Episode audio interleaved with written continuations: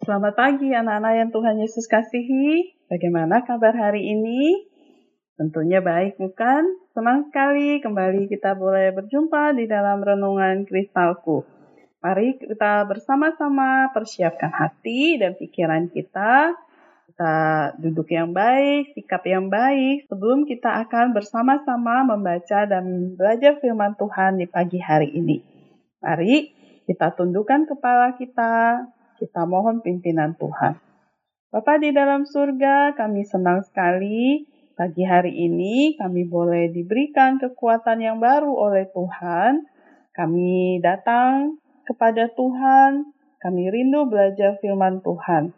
Tuhan pimpin dan berkati setiap kami, setiap anak-anakmu ya Tuhan, untuk boleh konsentrasi, mendengarkan dengan baik, dengan sikap yang hormat dan takut akan Tuhan, sehingga ibadah kami boleh diperkenan oleh Tuhan.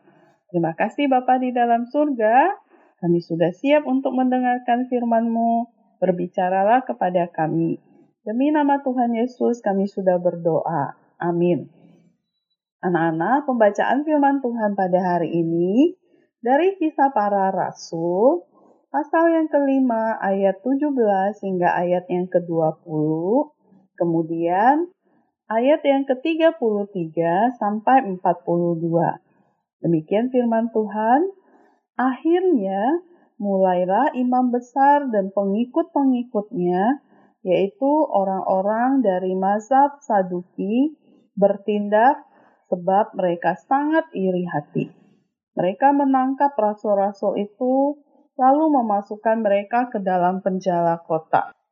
Tetapi waktu malam, seorang malaikat Tuhan membuka pintu-pintu penjara itu dan membawa mereka keluar. Katanya, "Pergilah, berdirilah di bait Allah dan beritakanlah seluruh firman hidup itu kepada orang banyak."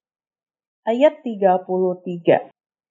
Mendengar perkataan itu, sangatlah tertusuk hati mereka dan mereka bermaksud membunuh rasul-rasul itu. Tetapi seorang Farisi dalam mahkamah agama itu yang bernama Gamaliel, seorang ahli Taurat yang sangat dihormati seluruh orang banyak, bangkit dan meminta supaya orang-orang itu disuruh keluar sebentar. Sementara itu ia berkata kepada sidang, "Hai orang-orang Israel, pertimbangkanlah baik-baik apa yang hendak kamu perbuat terhadap orang-orang ini.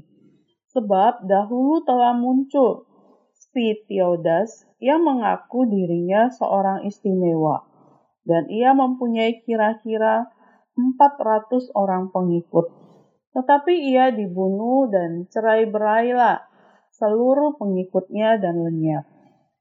Sesudah dia, pada waktu pendaftaran penduduk, muncullah si Yudas, seorang Galilea. Ia menyeret banyak orang dalam pemberontakannya.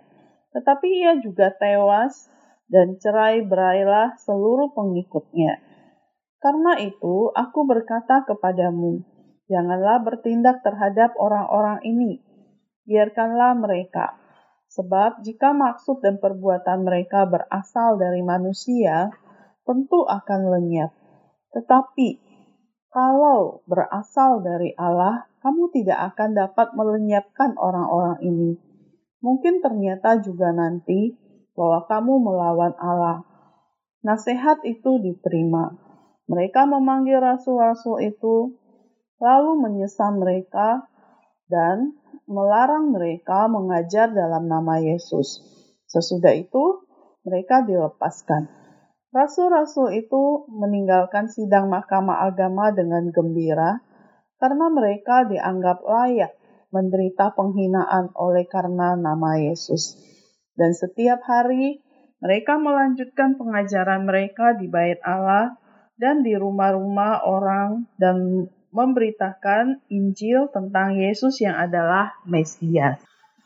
Anak-anak yang Tuhan Yesus kasihi, para rasul bertemu di bait Allah dan melakukan banyak perbuatan yang luar biasa.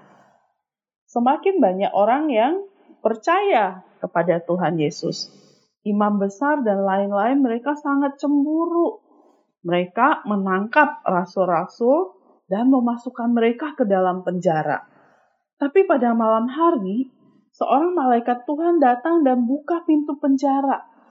Dia melepaskan para rasul dan mengatakan kepada mereka untuk pergi dan memberitakan kabar baik tentang hidup kekal di dalam Yesus Kristus.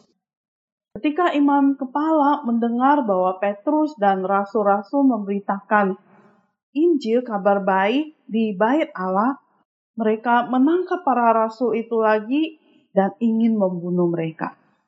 Tapi firman Tuhan berkata, ada seorang bernama Gamaliel, salah satu guru agama mereka berkata, Jangan mengambil tindakan terhadap orang-orang ini, Ingat loh dua pemimpin yang bernama Theodas dan Yudas yang punya banyak pengikut.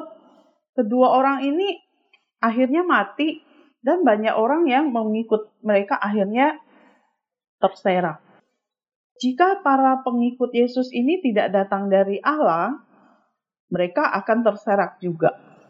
Namun, jika dari Allah, kamu tidak dapat menghentikan mereka. Anak-anak yang Tuhan Yesus kasihi, apakah orang-orang dapat menghentikan pertumbuhan gereja Tuhan? Gamaliel menggunakan contoh dua kelompok yang anggotanya tercerai berai ketika pemimpin mereka dibunuh. Yesus juga dibunuh, namun ia bangkit kembali. Dan sekelompok kecil pengikutnya terus bertumbuh dari hari ke hari. Sejak itu musuh-musuh Yesus dan bahkan beberapa orang dari agama lain telah mencoba untuk menghentikan penyebaran kabar baik. Mereka mencoba untuk menghentikan orang-orang percaya kepada Tuhan Yesus dengan membunuh mereka, membakar Alkitab mereka, menyiksa mereka. Namun, gereja terus bertumbuh dan semakin banyak orang mengenal Tuhan Yesus. Bukankah menarik menjadi bagian dari gereja yang menyebar di seluruh dunia? Gereja terus bertumbuh dan tidak akan pernah berakhir. Anak-anak yang Tuhan Yesus kasihi, gereja adalah tubuh Kristus. Setiap kita yang percaya kepada Tuhan Yesus adalah anggota-anggotanya. Walaupun gereja dianiaya, gereja akan terus bertumbuh di dalam Tuhan. Dan Tuhan Yesus akan memelihara dan menjaga gerejanya. Demikian firman Tuhan, mari kita berdoa. Terima kasih Tuhan Yesus. Hari ini kami boleh belajar tentang gereja Tuhan. Gereja yang isinya adalah orang-orang percaya yang di dalamnya terus boleh bertumbuh, berkembang, memberitakan kabar baik. Dari zaman rasul-rasul sampai zaman sekarang. Sekalipun gereja banyak musuh yang ingin menghancurkan, menghentikan, tetapi orang-orang percaya kepada Tuhan Yesus terus bertumbuh, tidak dapat dihentikan. Kami berdoa Tuhan memberkati gereja-gereja Tuhan yang ada di berbagai tempat di seluruh dunia, terutama di beberapa tempat yang mengalami penganiayaan, di mana anak-anak Tuhan disiksa, Alkitab dibakar, namun Tuhan mereka tetap boleh kuat di dalam Tuhan. Tuhan Yesus akan menjaga dan memelihara mereka. Seperti Tuhan Yesus menjaga memelihara pekerjaan Tuhan melalui para rasul di zaman dulu. Terima kasih Tuhan Yesus. Kami serahkan hari ini dalam setiap proses pembelajaran. Tuhan Yesus memimpin, Tuhan Yesus kasih hati dan pikiran yang konsentrasi dan kerajinan di dalam diri anak-anak untuk belajar dan kerjakan tugas. Terima kasih Tuhan Yesus. Ini doa kami Demi nama Tuhan Yesus kami sudah berdoa. Amin. Ayat emas kita hari ini dari Matius 16 ayat 18. Dan aku pun berkata kepadamu, engkau adalah Petrus, dan di atas batu karang ini aku akan mendirikan umatku, dan alam maut tidak akan menguasainya. Selamat belajar bersama Yesus. Aku bisa bergerak dan berubah.